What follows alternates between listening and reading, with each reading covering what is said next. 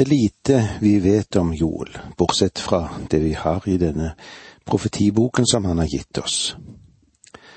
Jo, Joel han var fornøyd med å være Guds munn, og han ønsket å være ukjent.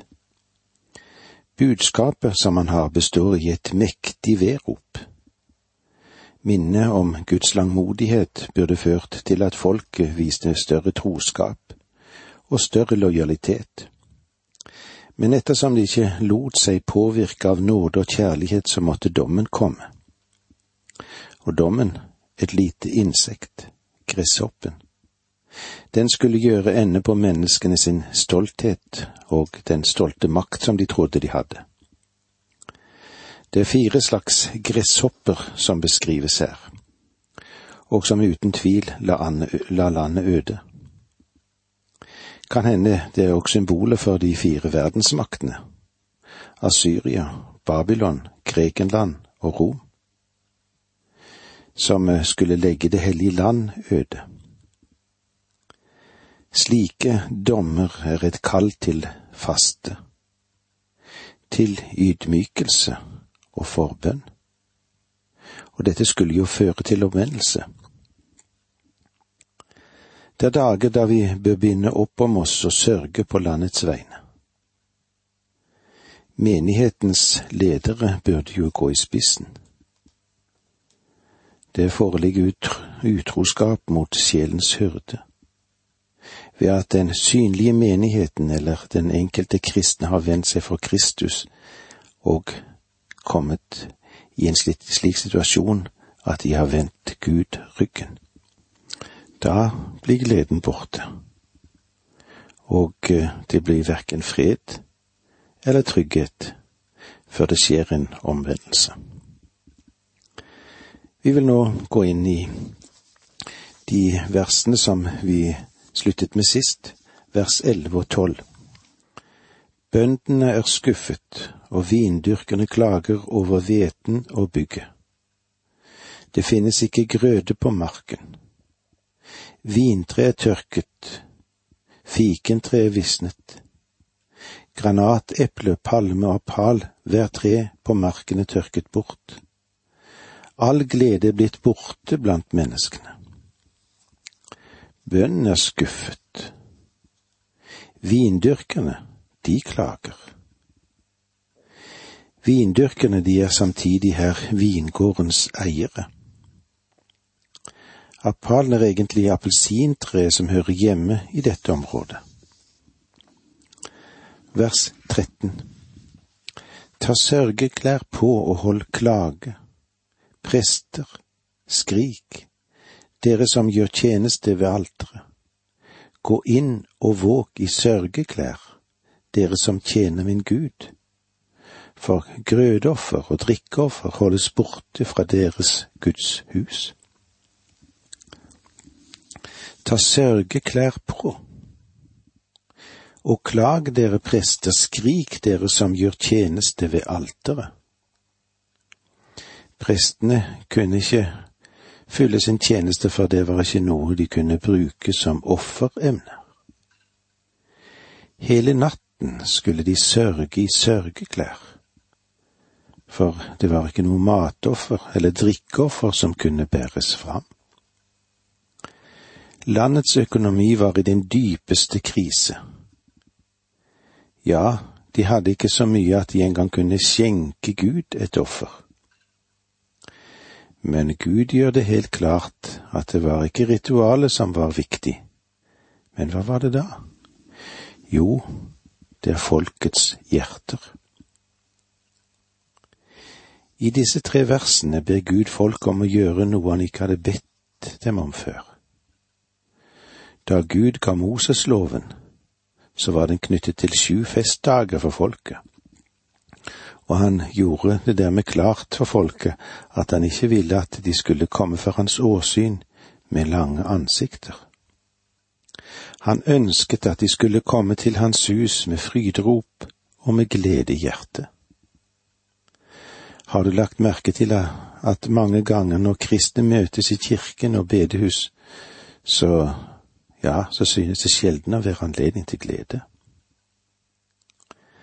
Av og til så kan han bli anklaget for han drister seg med å bruke en morsom historie som en illustrasjon. Og eh, fra prekestolen så kan jeg se mange av de hellige bare sitte der uten engang å foretrekke et lite smil, et lite glimt av glede. Jeg skulle mange ganger ønske at de kunne ha lett litt mer befriende, og jeg tror det ville ha gjort godt både for de og for oss. Og det er som på jolstid, dette. Der er ingen glede. Hvorfor sier Gud for første gang til sitt folk, Jeg vil at dere skal sørge, jeg vil at dere ikke skal ikle dere sørgeklær og strø aske over dere, jeg vil at dere skal gråte Tidligere så hadde han sagt til dem, Jeg vil at dere skal komme for mitt åsyn i glede. Og årsaken er at det er synd i folket. Og det er kanskje den samme grunnen til at gleden synes det å være et minimumsstadium også i dag. Verden kjemper hardt i dag. Musikken må være høy og brutal og historiene, ja, hva med historiene da? Jo, de må være temmelig grove for at de skal kunne kalle frem et smil. Ja, verden arbeider sannelig hardt i dag. Selv i våre forsamlinger ses det nesten på som en, en synd å le. Ja, hva synes nå du, da? Hvor er gleden? La vi våre konvensjoner slukker smilet og synden fremme det dystre, bare. Gud vil ikke at vi skal ha glede. Han sa til disse menneskene, kom for mitt åsyn nå med sorg. Jeg liker det ikke, men synden er begynt å overta hos dere, og jeg vil kalle frem boten i dere. Vers 14 Lys ut en faste og kunngjør høytidssamling, kall sammen de eldste, ja alle som bor i landet til Herren deres Guds hus, og rop så til Herren. Lys ut en faste. Gud har aldri tidligere bedt dem om å gjøre det. Gud hadde gitt dem festdager. Han ba dem aldri om en fastedag før de ble trukket ned i synden og den ene synd Joel nevner, og som var i ferd med å ødelegge folk innenfra, ja, husker du hva det var? Drukkenskap. Det fravrøvet folket deres normale tenkning. De var ikke i stand til å foreta riktige valg, bedømme rett. Kunngjør en høytidssamling. Med andre ord skulle de komme sammen Gud ønsket egentlig at de skulle komme sammen for å prise ham i hans nærvær. Men nå skal det være høytidssamling. Kall sammen de eldste, ja alle som bor i landet, til Herren deres Guds hus. Nå var tiden kommet til å samle seg i kirken. Under den annen verdenskrig så var det to menn som holdt seg borte fra kirkegang og kristentro. Men eh, de var venner, og så tilhørte de forskjellige foreninger og klubber. Og der møttes de ofte. Ja, særlig for å drikke. Men de kunne òg møtes i kirken en søndag. Den ene sa til den andre, vel, jeg visste ikke at du gikk i kirken, og den andre svarte vanligvis går jeg ikke i kirken heller. Dette er første gang. Men jeg har en sønn som er ute i marinen på et konvoiskip, og siden det nå er krig, tenkte jeg at det kunne bety noe at jeg gikk i kirken. Vanskelige tider driver menneskene til Gud. Folk i landet skulle komme sammen til en fastedag. Ja, det var så langt vi kom i dag. Med disse ordene må vi si takk for nå, må Gud være med deg. Dette undervisningsprogrammet består av to deler. Åge Nevland fortsetter nå med andre del av dagens undervisning. Vi er i profeten Joel, et uh, lite skriftavsnitt som betyr så mye for oss alle sammen, når vi går inn og lodder dybden i dette mektige budskap som profeten har å gi oss og si oss. I vers 14 leser vi Lys ut en faste og kunngjør høytidssamling. Kall sammen de eldste, ja alle som bor i landet til Herren deres Guds hus, og rop så til Herren. Rop til Herren. Hvorfor det, da? Fordi Gud er nådig. Gud er barmhjertig. Gud ønsker å tilgi. Og Gud er en vidunderlig Gud. De skulle komme til ham i disse vanskelige tidene, og han ville høre og svare på deres bønn. Joel har gitt folk en advarsel og han har gitt dem disse retningslinjer. Dette er det de skal gjøre om de ønsker at Gud skal lyse sin velsignelse over dem. Så de frem mot Herrens dag. Det er det vi kommer inn på nå, preludiet. På en mesterlig måte beveger nå Joel seg inn i den lokale eller nasjonale situasjonen med gresshoppeplagene frem til denne tidshusholdningens slutt og Herrens dag.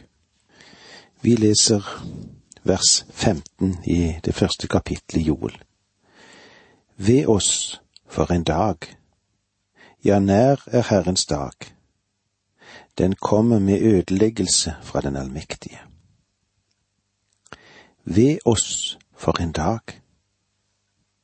Hvilken dag er det du taler om, Joel? Ja, nær er Herrens dag. Den kommer med ødeleggelse fra den allmektige. Som en liten modell, en mikroerfaring av det som vil komme i fremtiden. Den nasjonale gresshoppeplagen, det var en advarsel. Et bilde på den kommende Herrens dag, og det burde da vel ha vekket folket. Joel vil nå fortelle dem noe om det som vil skje i fremtiden. Det som vil komme der fremme. Det som var, lov, det som var lovet David, var et kongerike. David, han skulle bli vekket opp igjen for å herske over det riket. Krigen ville være forbi, og det skulle være fred på jorden. Alle profetene har talt om det. Men de talte også om det Joel nevner her. Og hva var nå det? Jo, Herrens dag som kommer. Herrens dag må bli forstått som en kontrast til alle andre dager som er nevnt i Bibelen. Du og jeg, vi lever i dag i det Bibelen kaller menneskets tid. Denne begynte med Nebukaneser, og den Herre Jesus betegnet den som hedningenes tid. Han sa det slik i Lukas 21-24. De skal falle for sverd og bli bortført som fanger til alle folkeslag. Og Jerusalem skal bli trådt under fot av andre folk inntil folkeslagenes tid er forbi. Vi lever altså i menneskets tid. Mennesket er den som skaper dommens dag. Vi appellerer til høyeste rett, men vi appellerer ikke til Gud. Han er vi i ferd med å glemme helt. Hans navn er bare et ord som en tar forfengelig, som en sverger med og spotter. Vi lever i menneskets tid. Mennesket tror det kan løse verdens problemer. Men hva er det mennesket egentlig har gjort? Det har ført verden inn, i en forferdelig krise. Mennesket kan ikke løse verdens problemer alene. Vi får av og til kuldegysning ved tanke på den fremtid som vi overlater til våre barn, og til våre barnebarn og de problemer vi skal sette dem inn i for å løse. Skriften taler om en annen dag som kommer, Jesu Kristi dag. Paulus skrev i første Korinterbrev 1, versene syv og åtte. Derfor mangler dere ikke noen nådegave. Mens dere venter på at vår Herre Jesu Kristi skal åpenbare seg. Han skal også befeste dere inntil enden kommer, så dere kan stå uangripelig på vår Herre Jesu Kristi dag. Hva er den Herre Jesu Kristi dag? Det er den dagen han vil komme for å hente hjem sin menighet fra verden. Og da vil menigheten stå for Guds domstol. I denne forbindelse møter vi et av de sterke favorittversene i Bibelen. I Filippenserne 1,6. Og jeg er viss på at Han som begynte en god gjerning i dere, skal fullføre den, helt til Jesu Kristi dag. Han skal bevare oss inntil den dag når Han henter oss ut av verden, og vi skal stå foran ham og få vite om vi har fått lønn eller ikke. Både Det gamle og Det nye testamentet taler om Herrens dag. Andre Tessalonikerbrev 2.2 forteller oss La dere ikke så lett drive fra vett og sans, og bli ikke skremt, verken av profetor eller påstander, eller av brev som sies å være fra oss om at Herrens dag alt er kommet. De troende i Tessalonika var redd for at de skulle ha, de skulle ha gått glipp av bortrykkelsen. Og Paulus han forsikrer de troende om at de ikke vil gå gjennom Herrens dag. Joel vil gjøre det helt klart hva Herrens dag er. Han vil si at Herrens dag er mørk, dyster og vanskelig. Hebreernes synspunkt var at de ville gå inn i riket umiddelbart. At livet ville være en bris uten noen problemer i det hele tatt. Men Joel sier at Herrens dag begynner ved nattetid, når det er mørkt. Dette mørket er den store trengelsestiden, det. Den vil være som en gresshoppeplage som er kommet med sine fire typer gresshopper som de fire rytterne i åpenbaringsboken, som skal ride under den store trengsel. Da vil Herrens dag inkludere Kristi komme til jorden for å opprette sitt rike.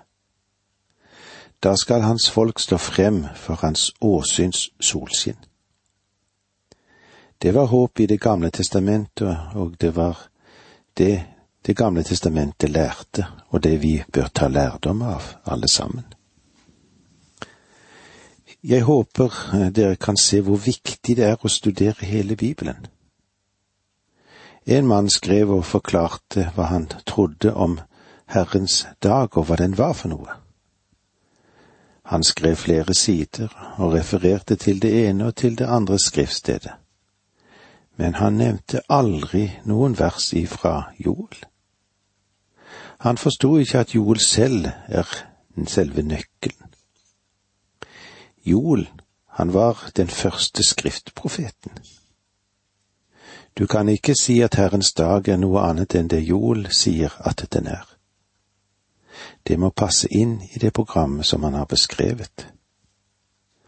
Alle profetene som kom etter ham brukte denne termen, eller dette uttrykket, ja, han brukte det mange ganger. Vet du, det forekommer omkring 75 ganger i hele Bibelen. Herrens dag forekommer fem ganger, og den dagen en gang i Joels profetbok. Alle profetene har mye å si om Herrens dag, og vi må være klar over at det er en teknisk term som er, er definert og blir stadig brukt i Bibelen. For å summere opp så er det en menneskets dag den epoken som vi nå lever i. Det andre er denne Herrens Kristi dag kommer da han vil hente sin menighet ut av verden. Og den tredje, deretter begynner Herrens dag med den store trengsel. Vi har også navn på forskjellige dager i uken. Søndag, mandag, tirsdag, onsdag osv. Gud har gitt navn til forskjellige perioder i tiden også. Dette er ikke noe som mennesket fant opp, men det er det Guds ord lærer oss. Jeg vil gjerne få understreke at Herrens dag er ikke det samme som Herrens dag som er nevnt i åpenbaringsboken. Herrens dag er den første dag i uken, og det stadfester Det nye testamentet. Og så er det mange mennesker som blander disse to sammen fordi de bruker de samme to ordene. Men det er en sammenheng som skiller disse fra hverandre. Herrens dag som den første dag i uken, og Herrens dag som denne schatologiske betegnelse, det er to forskjellige ting. Og eh, med disse ordene må vi si takk for nå, må Gud være med deg.